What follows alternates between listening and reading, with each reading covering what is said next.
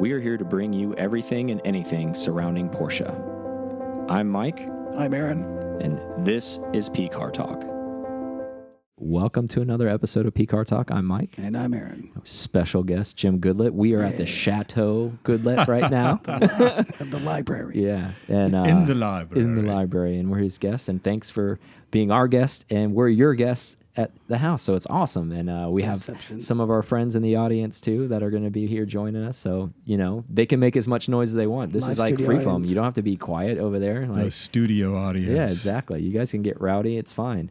But uh, just want to kind of showcase you because you're a pretty big Porsche staple guy in the community. I feel um, well known, very Porsche passionate, and um, I think you know like we, what we do is we tell stories, obviously. So and I think you have a really, really good story to tell, and multiple stories, not just one. So let's just get into it. So you know, as a young man growing up, everybody has some type of story. So, what is yours? How did you really get into Porsche? When was your first time when you realized you were like hooked on Porsche and you're like, I have to have one of these. I don't know what I'm going to end up doing with my Right, life, right. but what I'm going to do is going to be this. Right. Yeah. Well, uh, you know, my father was was a was much of a storyteller per se. Um, he used to tell us when we were kids uh, about this time that he drove a 550 Spider on uh, Willow Springs. Amazing. uh, or, sorry, Watkins Glen, and and he you know talked about sliding the car and all that, and you hear the story. You don't know what a 550 Spider is from a hole in the ground, though. I did have quite a bit of Hot Wheels and Matchbox cars that might have had a few of those things in you. there. Uh, yeah, yeah, de- de- definitely me. Um, and so you know I, that was my introduction to Porsche. Really, you know, it was it was Dad telling this great story about sliding a car and so on, and we. we How old were you around that time frame?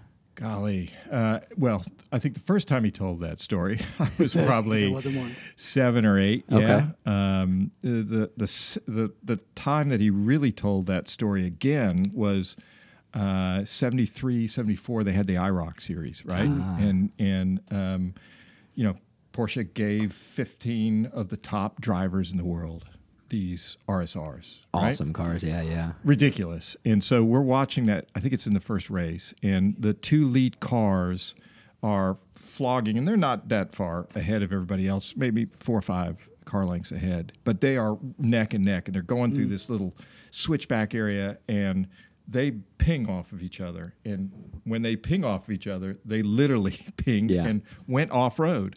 Wow. And so, you know, first you're seeing the first time you've ever seen a whale tail before, and you're Uh-huh. like, what the heck is that? And then these cars separate and they go off road, and it's little over hill and dale, Uh-huh. right? I'm expecting to see NASCAR level stuff where when they hit off the track, cars are flipping, Yeah. and they didn't. Parts Yeah, everywhere. And you I'm were going like- to see seeing carnage, right? Yeah. Like you were expecting to see, like this is going to be a spectacular accident.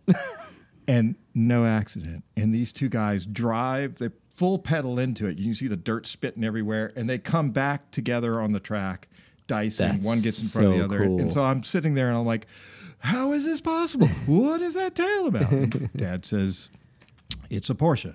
Mm. It's a rear motor. Remember me telling you about the 550 Spider? So he goes back into that tail Mm-hmm. and then starts talking about that RSR tail. Zach, remember how, how good of a race car driver I was? I was telling you The story that gets was better amateur better. level out there. What they just did. right. Uh, so it was, you know, it was, it was, it was one of these things where you see these cars do this magnificent thing, and you think, how, how is that possible? Okay, so do they sell these cars? They're like, well, not that car, but they, yes, they sell these things, and they're called the 911. That was my introduction to it. That was 73, 74, and then um, in 76. We, we lived in Denver at the time, and uh, I was going home from school, and a car with a tail on it comes flinging by, and it was a '76 Turbo Carrera.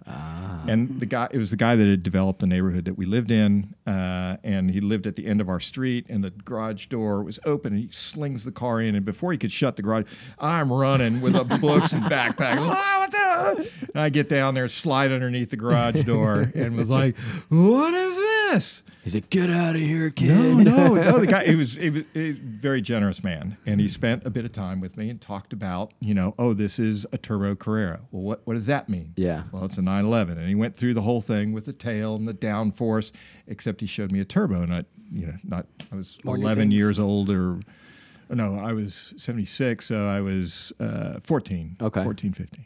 In 78, And that was like space shuttle stuff, anyways. Turbo technology back then. It's like, Totally. what is this? Like Totally. made by NASA? right, right, right.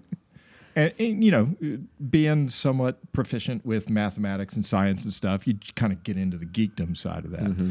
And in '78, um, I I was punted up into uh, into high school. I skipped a grade, got Okay. into tenth grade, and this buddy of mine came back from England with a car magazine that had this story of what happened in 1978, where Martini Racing came to Porsche and said, "Hey, there's this thing called the East African Safari Rally. It's getting all this marketing. We want to go race this thing, and Yeah. we want."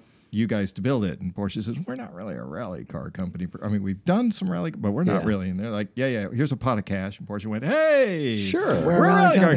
company. so Here they, you go. they, they plucked two 1978 um, uh, cars, 911 SCs, off the production line, and um, a, a way that built the cage, put the seats, uh, raised the torsion bars on it, um, uh, did a strut modification.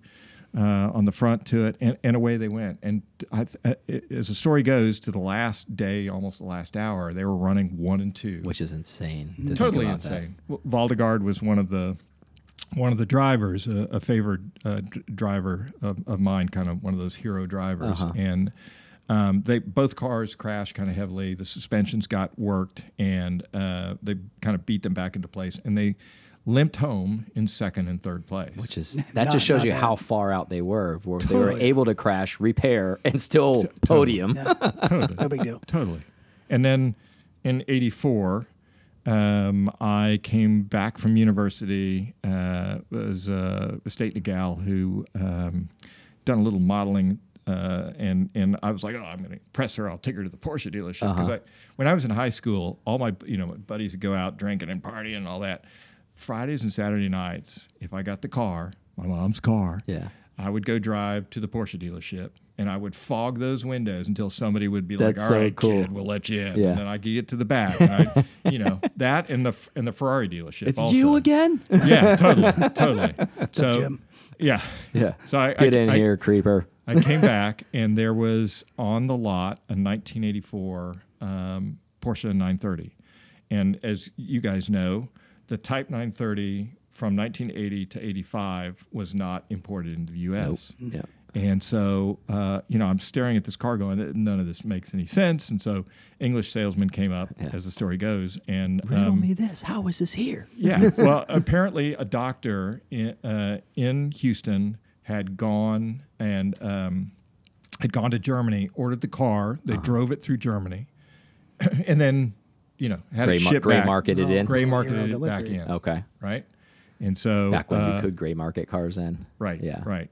And and you know, anyway, so I I I mean I fell in love with that car. I didn't have two nickels to bump together. I was Yeah. Uh-huh. putting myself through university, doing all that stuff, and that that's just not going to happen. But it was you know one. It But was it's a good dream goal, right? Like you're just like, it was "Man, maybe definitely someday, right? One of these days, come hell or high water, and there's probably going to be a lot of that. Yeah.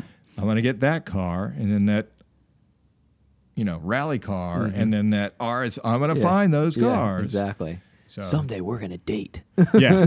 oh man, it was. you I don't know when, but someday. Well, I, you know, my first car was a 75 VW Rabbit. Nice. I mean, a, a Scirocco. Okay. Oh, it's rocking it. And totally ridiculous. You know, 1.6 liter. Uh-huh. Uh, I had Isky cam and. I had a bunch of stuff, nonsense. The carburetor was this hybrid Rabbit of a 70. Part of the stage one was a 78 because the the needle bearings in the in the thing, you know, they were made from some unobtainium material, and so you know, you build this hybrid stuff, and it had headers and the whole thing. And I used to go do these, you know, little uh, autocross deals. And the trick with that, it was a front wheel drive, is that the parking brake was just for the rear. The cables went to the rear, but they also had a cable that went to the front. That was cut. Okay. So I'd go into a corner and then whack parking brake, Yeah. get the back end around, keep your foot planted on the front and Oh, around. And everybody's like, okay, you need to take that piece of crap Scirocco out of here because you're like making some of us look bad. Go get a real car. Yeah, yeah, yeah. and come back here and then kick our asses with that. Stop making us look bad. no, it was it was just you know a good time. But there were there were guys in there that a couple guys that had 911s, and I watched them fishtail these cars around. And I thought, dude, you're just confirming everything that I'm going to do. You're like, "Here we at go again." Some age, keep some showing up. time. right. So, yeah, that spun up to the cars that you guys have seen that are sitting in the stable. The, Yeah. So the 84 car, Yep. what's the story behind that then? Yeah. So uh, let's just say for years, maybe decades, I had, you know, before pre-internet, I would go get like the Dallas Morning News classifieds and just kind of look like some mysterious guy is going to sell a Type 930 and Uh-huh. it's going to be ten dollars, and I'm going to be the guy that's going to get it. There's going to be an estate sale, Right. and some really old nice lady's going to be like, "Young man, just take the car," and Right. you're going to be like, "I'm going to be that guy someday." Exactly. Not Exactly. happening. so, so uh, I'd I'd been in a series of startups and um, was in a in a in a company that we kind of blew up. Did a incredible job. Some great people in the in the company, and um, I had a little bit of a little bit of cash, and I thought, God, you know, I remember back when, so I'm going to really start looking, and um, but it had to be this particular color and this particular year. And so I had this alert set up. This thing on eBay bounces, and um, I look at it and I'm like, "Wa- wait a minute. That car looks awfully familiar. It's happening. And I, uh, the, back I've in seen this girl back before. in the in the uh, in the shelves over there, uh, I have a uh, a um, photo book, and in the photo book, uh, there were four pictures in there of a 930, same color, same year. And I'm thinking, man, this just can't be. So I call the guy up. Said, "Hey, t- tell me a little bit about the car. He said, well, you know, it doesn't leak oil. It doesn't. I, was, no, Like, no, I don't no. care about all that. No, yeah. Where'd it come from? Where'd it come from? well, I bought it from a guy in New York, and uh, and I, tr- I ended up tracking that guy down when it was the, Uh-huh. the purchase deal was supposed to happen. I tracked that guy down, and um, where'd you get it? He's like, oh, I was at an oil conference in Houston, Texas, and there was this 930. The the dealership couldn't sell the car, Uh huh. but the guy was a good enough customer. So he said, "Can I? How about if I park the car here, and then you just give somebody my card, right?"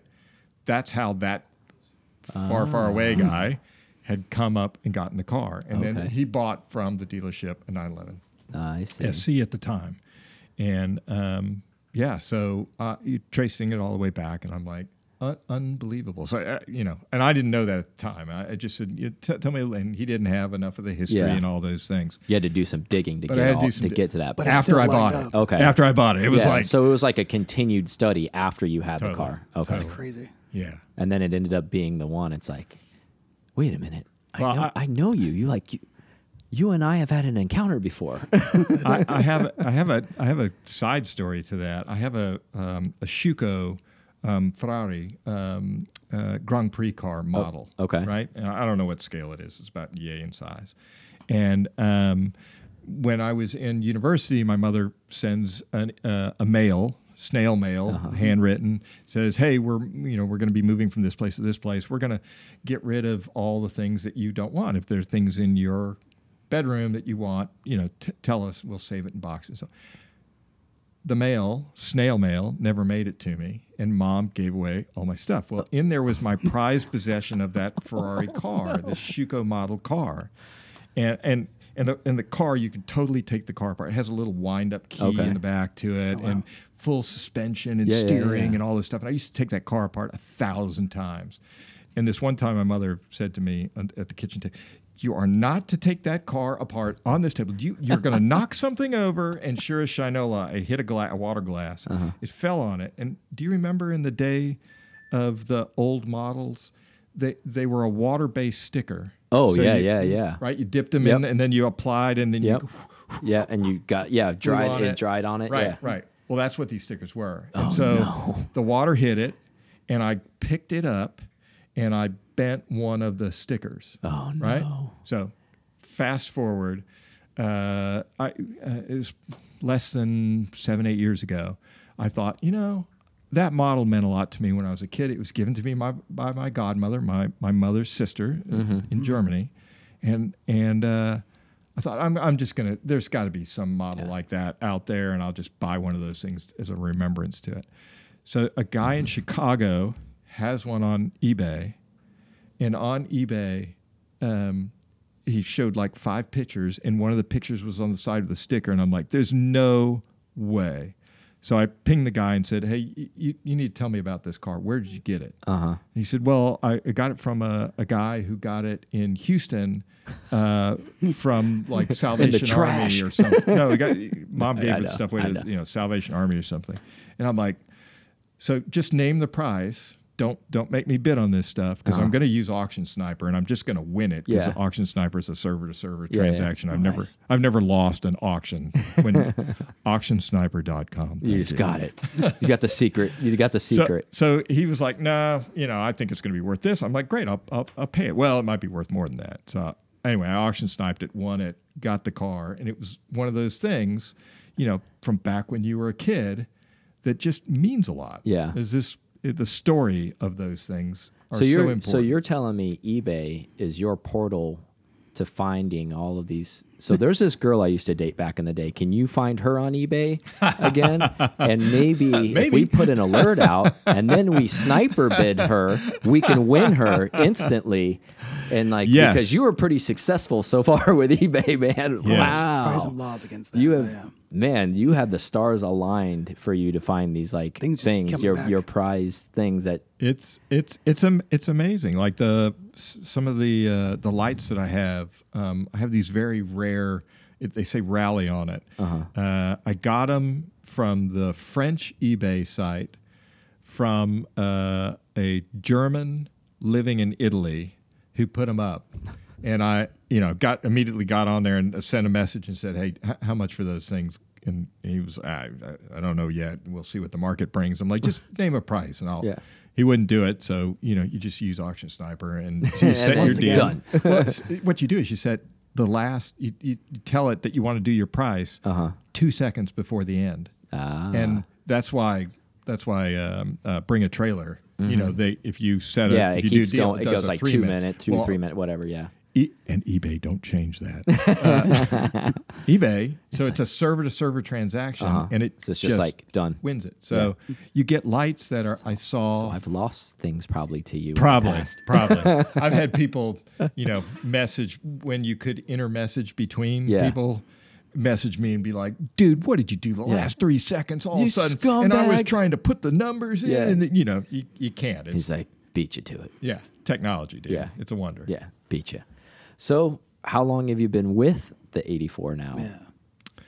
Um, so when I turned 50, I'm 58 Mm-hmm. now, so eight years. Uh, right when I turned 50, I was like, I'm gonna get serious, and then Yeah. I, you know, found the car, got it. That's awesome. Um, then 28 days later, uh, th- as soon as I got that, I was like, all right, I got to start looking for these other things. So Yeah. 28 days later, He's like, having some all good right, the seal's here." broken. Let's keep it rolling now. so I, I found this RSR um, uh, online. It, that one, I can't remember where I found it. It was not on eBay. Mm-hmm. And Not in uh, Texas. The guy was something to do with Road Atlanta. He had it in Road Atlanta. Had he had written something? Maybe a. Uh, I'm- I'm not sure what it was. A forum where I, the guy was talking about that he was going to sell it, and I immediately pinged him and said, "Hey man, how much do you want for the car? And tell me about it, and so on to it." And then that was 28 days later, and then 2.8 years later, uh, the the um, Safari Rally car Yeah. opportunity opened Nice. up, and it was like, okay, I have the trifecta of cars: Yeah. the road car, the track car, and the off-road car.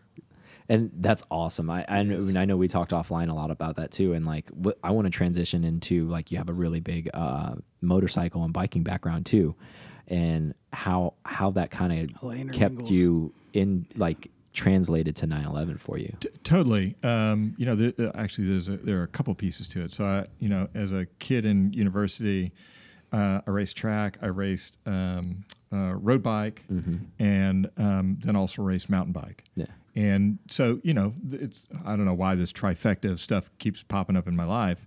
Um, and I transitioned from that to after university. It was like, okay, you know, I don't want to weigh 138 pounds anymore. Two, know, 2.2% body fat and all the rest of it. Um, I- you know, I and it takes an immense amount of time. So I, I started getting motorcycles, and I kind of built a collection. I built way too many collection of, or I had too many of those motorcycles in the collection, I should say.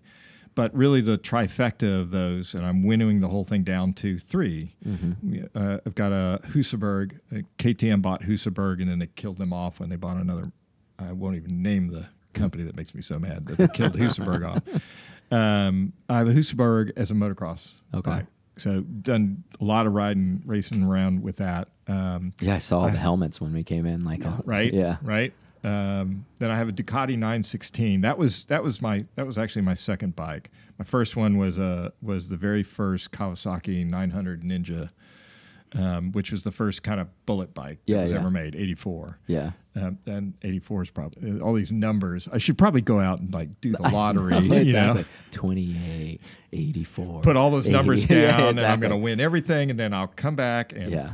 anyway, so um, yeah, so I have a Ducati 916. It's been ported up to a 955, which was Fogarty's uh, bike. I did a Mm-hmm. lot of track day stuff with that, and um, and then what arguably is not the best road bike and not the best off road bike, but the best long distance that does both of those things. The BMW R1200 GSA, which Mm-hmm. is what Ewan McGregor and Charley Boorman used to uh, go do long way Yeah, down in I don't know what that was five six years ago or so. Mm-hmm. Um, so the you know those three bikes uh, when you're doing off road, as as you guys know, as, as you've done off road bikes, um, you know if you're standing on the pegs and you you know you go pigeon toed, and if you're going to go right, you stick your left knee kind of in the tank, you move mm-hmm. your hip into it, you whack throttle, you get the back end going sideways. And you don't go through the corner like you're on a, a road or a track you go literally sideways with that back end going around and, and you kind of scoot your butt back on the bike and so you're you're positioning the weight over that rear Yeah. and your front really isn't i mean you're i call it rear steering right you're Yeah, rear absolutely. steering through the Pretty much. so um, yeah. You're steering through the throttle, essentially. totally, Yeah. 100% through the throttle. Yeah. So my transition from going really a lot of motorcycling. I mean, the the, the BMW, I've got I don't know forty something thousand miles of riding up in the Appalachians on road and off road, and in the Husaberg, you know, just tons of riding around on that, and um, and of course the Ducati doing uh, several years of track, and I had a had a Derbi, a little Tiddler. You you would appreciate this. Uh, it, you, you know the class of Tiddler racing? No, no. So in Europe, Tiddler racing was the 49cc to 72cc Okay. bikes, right? Which were hugely popular. They came out of World War II, where they started, you know, building Vespas or Vespa-like bikes, Yeah. and because they were cheap transportation, could take people everywhere, and with bombed-out infrastructure, you know, they became kind of the de rigueur of stuff Uh-huh. um, and and uh, and so they they progressed. You know, what, what what's the saying? Uh, what's the f- when's the first time racing was done with motorcycles or cars? Yeah. When the second one was produced. Yeah, exactly. Two when guys there, were when there like, was two "Ah, of them, yeah. let's go racing." Exactly. So I'm I- faster than you. You're I like, no, you're not. well, I started racing Semra, which uh, had a Tiddler class, a little 49cc and a 72cc class. And I built this Derbi as a metro kit. And it gave me unbelievable capability to kind of transition because I, I wasn't really the fastest guy on that bike. Mm-hmm. And, and y- you know, it's 13,000 RPM. you That's know, it winds up. Yeah. It's a two smoke. Just sit, exactly, exactly, exactly. Uh, but I wasn't really the fastest guy out there. I, no, I w- not really. I wasn't the fastest guy out there. And a buddy of mine said, "You need to go off road racing. You go get yourself a dirt bike, do that, and come back." So I spent a year and a half, and I came back, and I went from the last ten percent to the top ten percent doing the racing Yeah. stuff to it. But it's a lot of that fear factor when you're you know, when the front end starts to tuck and slide a little bit and you're going through a corner and your knees down Mm-hmm. and you're, you know, you're doing that stuff, you go, okay, I totally got this because Yeah. you're in a controlled crash in a motocross bike, yeah. right? But yeah, if you don't have enough experience of that, you're in the the butt pucker moment. You're like, I'm probably gonna die now because I'm I'm uh, in an uncontrolled slide. Yeah. Yeah. and I don't know how to control it. hundred percent, hundred percent. Yeah, Yeah. it was it was it was an interesting learning experience. But when when when when I got the uh, the Safari Rally, and you know, a good friend of mine who you guys met today, Joe Frazier. Um, uh, Joe helped me secure that car from a friend of ours, mutual friend of ours, and then we had to go fix a ton of stuff and you know make this thing re- a real competent and uh, competitive um, Safari Rally car. Yeah. And but do it like you know back in I didn't I didn't want I didn't want any of the coilovers or any of the other Yeah. new stuff on there. I what was it like Yeah. to go in 1978?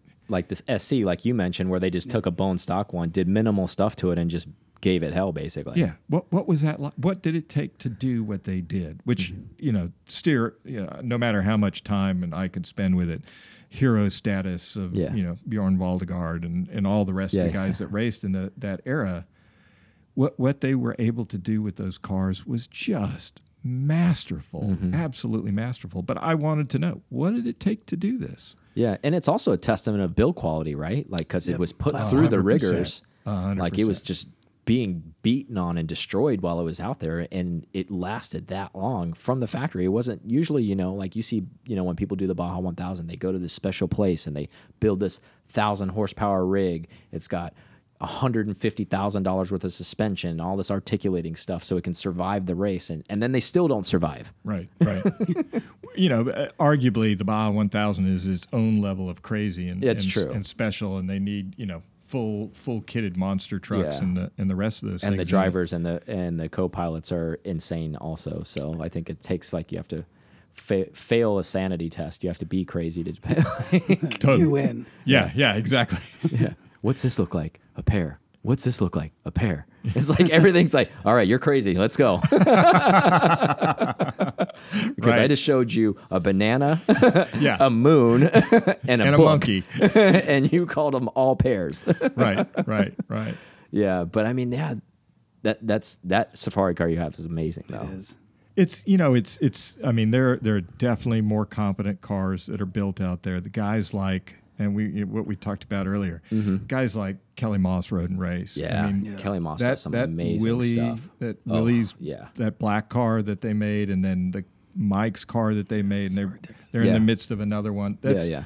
serious. You know, Leh Keen makes a, a, a competent car Mm-hmm. also. And then, then you got guys like T.J. Russell, which Oh, I think his are start at 650, and it's Exactly. I mean, it's got 30 inches of travel, and Yeah. you've seen that thing hitting the ruts Yeah. and going over them like, you Could- know, yeah, it's one of those where you could actually like jump it off a loading dock and it'll be fine. And crazy, Like, you're like, crazy. what just happened here? Well, and you know, I love seeing some, it, all these different people taking it to every height and Mm-hmm. level to it. But you know, I, for mine, I, I really wanted to harken it back to the 1978, and well, it meant something to you. Like, you- Uh, Totally. you, know, when you read that article, like you said, like tying that back, you know, it met, it resonated with you to the level of, okay, I want to maybe You want the uh, experience like, out of it. feel what they felt back then, now, you know, and see what that may be like. Even though if even if it's just, you know, three tenths of it, at least I'm getting a taste of it. Totally, totally. Yeah. Well, you know, a little funny side story on that.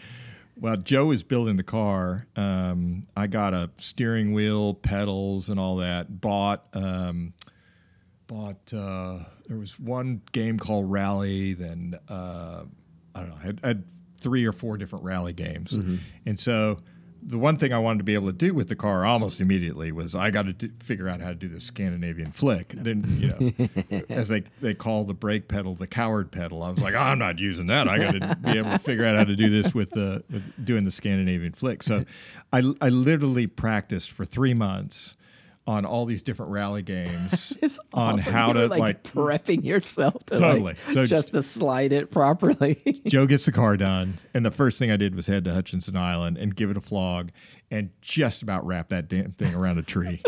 this is nothing like the simulator. well, it was it was close. I, I was, you know, I didn't pee on myself when I did this before. what is happening? Well, the, the the the part that wasn't engineered correctly was in the driver's seat, and Yeah. that was me. Yeah. So you know, Operator. Oh, that was yes, the operator problem. error, totally. So I, you know, I figured out, okay, I don't need to go as fast to it. You do that quick pitch in in opposite direction, let off pedal, put your foot back into it while the car is rotating, Mm-hmm. and just like the Husaberg or any off-road motorcycle, your rear steering essentially. Yeah. You whack throttle, that back end starts to come around, and you use that, and you're you know your steering. You could just about do it with your two little fingers. when I first the- started learning how to slide, isn't it so like counterproductive when when your brain starts to think of something, you turn the wheel into the slide that you're going Right. into. So you you're pointing at the slide and you're like, this makes no sense. Like I should be pointing away from it. You're like, no, unless you want the car to just totally uh, tail out on you, turn the wheel into it, then you'll continue to slide out. Just Right. throttle in, and right, you're like, right. I don't understand the physics of this, but fine. Well, it, you know, for me, it was a lot like it was a lot like motorcycles too, because you know, it, on the Ducati at Roebling Road, the fast guys are about a buck fifteen into the corner. Uh, you know, I would pucker my leathers at about a buck seven, but you know, w- when you go into it, you you go past five, four, at three. You you've shifted uh, from six because you're fully wound up six five and four, and then you're in three, and you start your pitch over on the bike. And as you start to pitch over, knees dragging, you got the hockey puck on your on your knee uh, to it. So you, you pitch over, and and if you're doing it right, your rear is actually spinning up a little bit faster than you're traveling, and your front's in a little bit of a slide. You know, the tires so overheated, and you know the contact patch, as you guys know, Yeah. on a on a motorcycle Yeah. when you're leaned over is millimeters. like that, Yeah, millimeters. right? You know, car is like that, and a motorcycle's like that. So, um, yeah, you, you you learn this kind of ballet of it, um, and and and you you get used to the bike sliding around underneath you. You know, people watch MotoGP and they go, "Oh, it looks so easy," because they're just you know side to side to side. Yeah. I'm like, no, that that bike.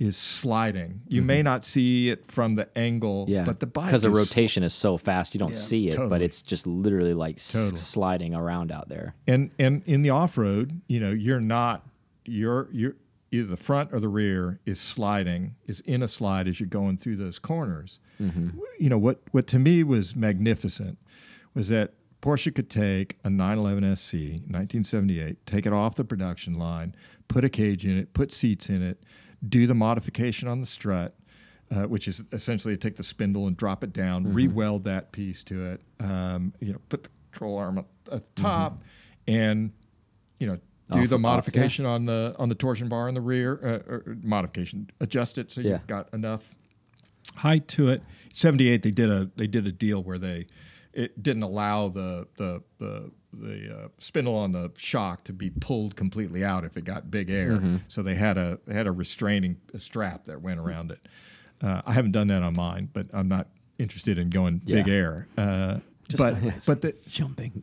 well, that they could they could take this, and I've got pictures of the car, you know, getting air and stuff. But that they could take this car with torsion bar, no coilover suspension, and all you know, all the stuff that you have today, and and almost yeah. take away, you know, steal the silverware, so to speak, at the Exactly. East African Safari Rally. Yeah. It really says the competency of a car um, that you could you could have a car that does in what I say in, in, in essentially is the trifecta of Mm-hmm. things, right? Can do track, can do road, and can do off road, Yeah. and all at pace. You know, not Exactly. not tootling, but at Yeah. pace, and Yeah. do all of them winning yeah, everything. Everything above par. Yeah, exactly. That's that's that. We talked about that too offline, talking about it. You know, a Swiss Army knife as a 911. It's Totally. It's literally That's a great- do that's a great way to say it. Just everything working.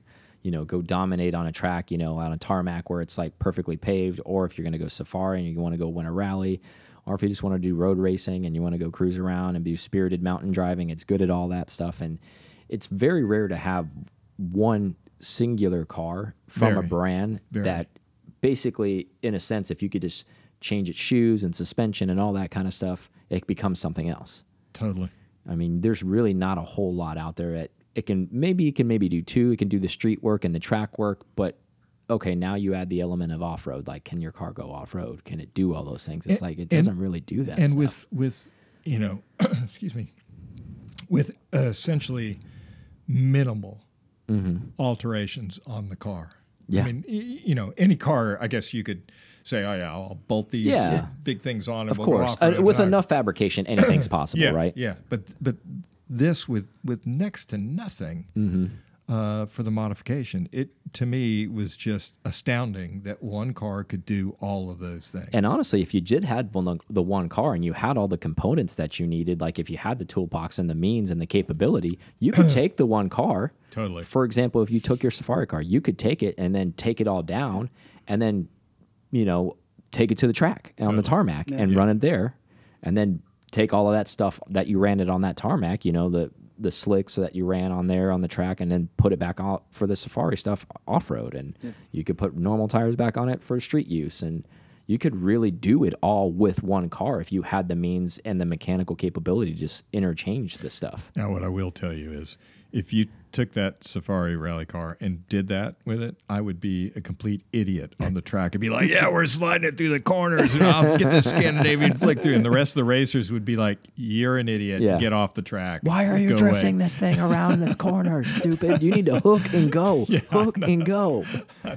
Well, I, I, You chewed up 10 seconds doing that display of speed you just did. But how did it look? It looked great. yeah, Amazing, right, though. right, right. Did you get a picture? well, I, I, I, I told that story earlier uh, uh, when we were at lunch. Um, the RSR, uh, you know, a good friend of mine, Andy Green, had done the initial work on it. Uh, Joe Frazier is going to do this next thing because I want to take that car and go race the La Carrera Panamericana. That's an awesome but, race. but the first time we got it all set up and we did a track day, um, I was lucky to have uh, Wayne Brown as, as my uh, as my trackside I'll support. drive your res- I'll drive the rescue vehicle behind you. Well, so the the car's kind of absurd. So from the firewall forward, um, all the metal's been cut out and it's tube frame, and from the essentially the rear seats backwards, all that metal's been cut out and it's tube frame, and um, and the you know it it's so unbelievably light because the body, save for the top and the bottom, is fiberglass. So it weighs weighs sixteen hundred. Uh, so yeah, sixteen hundred and eighty six pounds wet with me in it. That's insane. So the first day uh, we're going out, and I do three laps, and I pull what I think was a very very respectable time, uh, 124 out at, at Roebling. You know, three liter PMO carbs, built motor, blah blah blah, and um, come back in, and and Wayne's looking at me like, "What the is wrong with you?" And I said, "You know, the rear feels like it's setting in wrong." So we put it on scales. He weight balances it, sends me back out and uh, you know he can see from the pit in or the pit out area looking down and seeing how i'm entering the corner and he's Your like apex is all off. what are you doing and then he walked to the back side what the, what the hell are you doing so i had gopro's in the car and uh, he, uh, he says "Let- let's see the gopro's pull it up on Yeah. my surface and he looks at the things he's like what what the hell are you doing with your legs so turn one at roebling is a right turn and my right knee is smacking the gear shift because I'm trying to put it down like a motorcycle. And then turn three is a left turn, and I'm smacking the door with my left knee. And he's like, "What?" And I'm moving my body like you would on a motorcycle, right? So I didn't get Muscle fully. memory get out of there. Exactly. Yeah, I wasn't fully strapped in, and he's like, "All right, we're going to solve this stuff." and then he's looking at the lines. He's like, "What are you? What are you driving?" And I realized, "Oh, these are motorcycle lines. Hmm. These are not car lines." Yeah. So once I got my head back into the stuff to it, you know, but but I tell you, quasi doing those half motorcycle lines, half car lines, mm-hmm. and and loving the feel of the car starting to rotate. Right, you come into the brake zone markers, and I go deep, smack brake, get the suspension settled. And then start my pitch in and be back on power while the back end is wanting to rotate. Yeah. Right. Want to come around and you you use that like you use a dirt uh-huh. bike, Yeah. right? A lot of similarity there. So going through the corners to it, I, I probably could have gone faster if I wasn't trying motorcycle lines and Yeah, I was motorcycle gonna ask if you- techniques. If you changed it, was there any Well, benefits? Yeah. uh, the, the benefits were I came back in with the biggest shit-eating grin known to, known to humankind. exactly. It's like, right? Ah, that's what it's supposed to do. yeah. Well, you know, and, and Wayne was like, yeah, okay, right. Uh, these lines are they're not right, and Nice. and arguably they, they weren't, but it was it was a tremendous amount of So you want to run the La Carrera with the, the RSR car? Is that yeah. what you So wanna do? right now it has no brake lights, has no headlights, Uh-huh. um, has no windshield wipers. It's uh, it's uh, uh, you know essentially a plastic windshield and and the and rear too. Um, so that you have to you have to have it has to be a registered vehicle Okay. to go do it. So I've got to get all that stuff done. Um, arguably suspension right now, I think I'm running 400, 600 pound springs, 400 in the front, 600 in the rear. When I got the car, it was set up with 800 square Okay. for Daytona Ah. right? Um, anyway, so you know, I've got to get the I've got to get the suspension so it's not as low because you're not on a track. You know, Yeah, the La exactly. Carrera in its day from 1950 to 56, which is the same Yeah. time as the Mille Miglia. Yeah, you know, it was 50 to 54 was the Mille but 50 to 56 was the original of it, and and that race. I mean, we talk about how passionate Americans are of, Oh, yeah. of car racing. We're nothing compared to Mexico. I know. The Mexicans, they have, you know, they've got a, a real Formula One race. They have a real WRC uh, Yeah. World Rally Championship race, and then all kinds of. Are you familiar stuff. with John Benton? Oh yeah, Yeah, yeah, yeah. Benton yeah, race. We talked to him a lot, so he preps a lot of cars for that race. That's why when you Yeah. said that, Totally. we instantly perked up because we're good friends with him, and I was Totally. like, he should set your car up because Totally. he is good at it. yeah, yeah, really he- good at it. They they raced that 356. Yep. And he he's prepped a couple 911s also that run in that race and he's super familiar with that race like the back of his hand. I mean, I think he ran it for almost like 12 years consistently like Right, uh, right. you know, in some fashion like prepping the car um, you know, as a chase vehicle or whatever to support the peoples that he prepped. So Right. he's very very familiar. But you're absolutely right. He described it. He's like, "Dude, it's nuts. They they love it." And he's like, Americans would never come out and like No. stand by the side of the road No. like they do, like and No. watch that stuff. No, and, and you know, you go back in history and you see the the winnings of it. You know, the word carrera is Spanish, Mm-hmm. comes from um, the La Carrera Panamericana, uh, and and the complete nuttery of that, where they would be flogging the cars through town. Now, my car is wouldn't be. You, I, I couldn't if if I could, which is I couldn't. I don't have that that racing skill uh, to it. But if if I if my times were the fastest, you couldn't win the overall with that car because it has to be an era correct from 50 to 56. Yeah, but they have a, a bunch of other classifications that allow exactly. you to be able let to run, in. Yeah. run cars in it. So, but you know, you get, there's a different kind of setup you have to do for that because you're one second on a highway, the next second you're in a town with regular roads and dips and bumps and all Mm-hmm. that stuff. So if you took that thing, you know, I'm the the front air dam on that might Oh, might God. last hundred feet. Yeah. you know. See you. So, so, but yeah, it just you know to be able to Strike go me do as that. a Peking to Paris kind of guy. Like I want to get you to do that Yeah. just so I can say like I knew somebody who did that race. well, you know, I followed, uh, and I think John set up. Um, what's the guy's name that owns Four Till Four in uh, in Phoenix? yeah, yeah, coffee yeah. shop. I know you're talking about. I Yeah. think he took a nine twelve that Yep, John set up. absolutely for it. right. Yeah, he did. And, and and in that race there were And that was like his dream to do that. Right. So like so cool a- that he did it. We had a book. I, I I got the got the chance to talk with him. Uh, my mother, for a time, was in Phoenix, Mm-hmm. um, and and uh, took her to one of the one of the uh, uh, their little cars and coffee events that they do, and it, they do it all the time. They, it's Yeah. not just like on Saturdays, first of the month. Exactly. It's every weekend. There's something going, Going on. on. Yeah, yeah. and uh, that's where I met um, uh, Chris from TurboCraft. And Mm-hmm.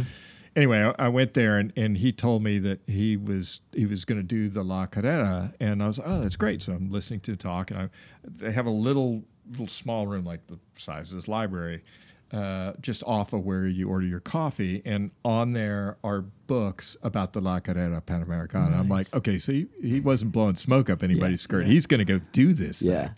So they they did, and and I think that same year, which was two years ago, um, there were five or six other 911s doing the deal. Oh, yeah. So yeah, it's it's an it's an interesting one for sure. Yeah. I th- I'd be a little nervous to do Peking to Paris though because like you're really out there on an island when you do that because you, you whoever you bring with you better be the mechanic slash Right. engineer Right. slash Right. everything. Right. Do all. Yeah. It's like, okay, suspension broke. What are we going to do? Well, we've got some gum and duct tape. like, so, well, I I, I and you chewed up the last pieces of gum. So we actually only have one piece left. We'll see how uh, this works. So the, the uh, Ramsey Potts, who works for RM Sotheby's, um, when I told him that yeah someday I'm going to go do the La Carrera Pan Americana, he's like, well, um, Dr. Frank Perry, he lives here in uh, up in in Buford. Uh, he won it in an era correct. I'm like, really? Yeah. And uh, Richard, what's what's uh, what's what's his name? Who who built the car? Um, he's a, we just made him an ODC member. Yeah. Mickey, yes, Okay. Mickey Carter Uh-huh. was his uh, was his mechanic. That, that was our studio audience, by the way. Yeah, over there. Ri- exactly. Richard Pappy, who Pappy. um, anyway, uh, so uh, he introduces me to uh, to the doctor, and we went and had lunch, and then um, he shows me the car, and Thank you so much for listening to this episode of PCAR Talk. Connect with us on Instagram at PCAR Talk or online at PCARTalk.com.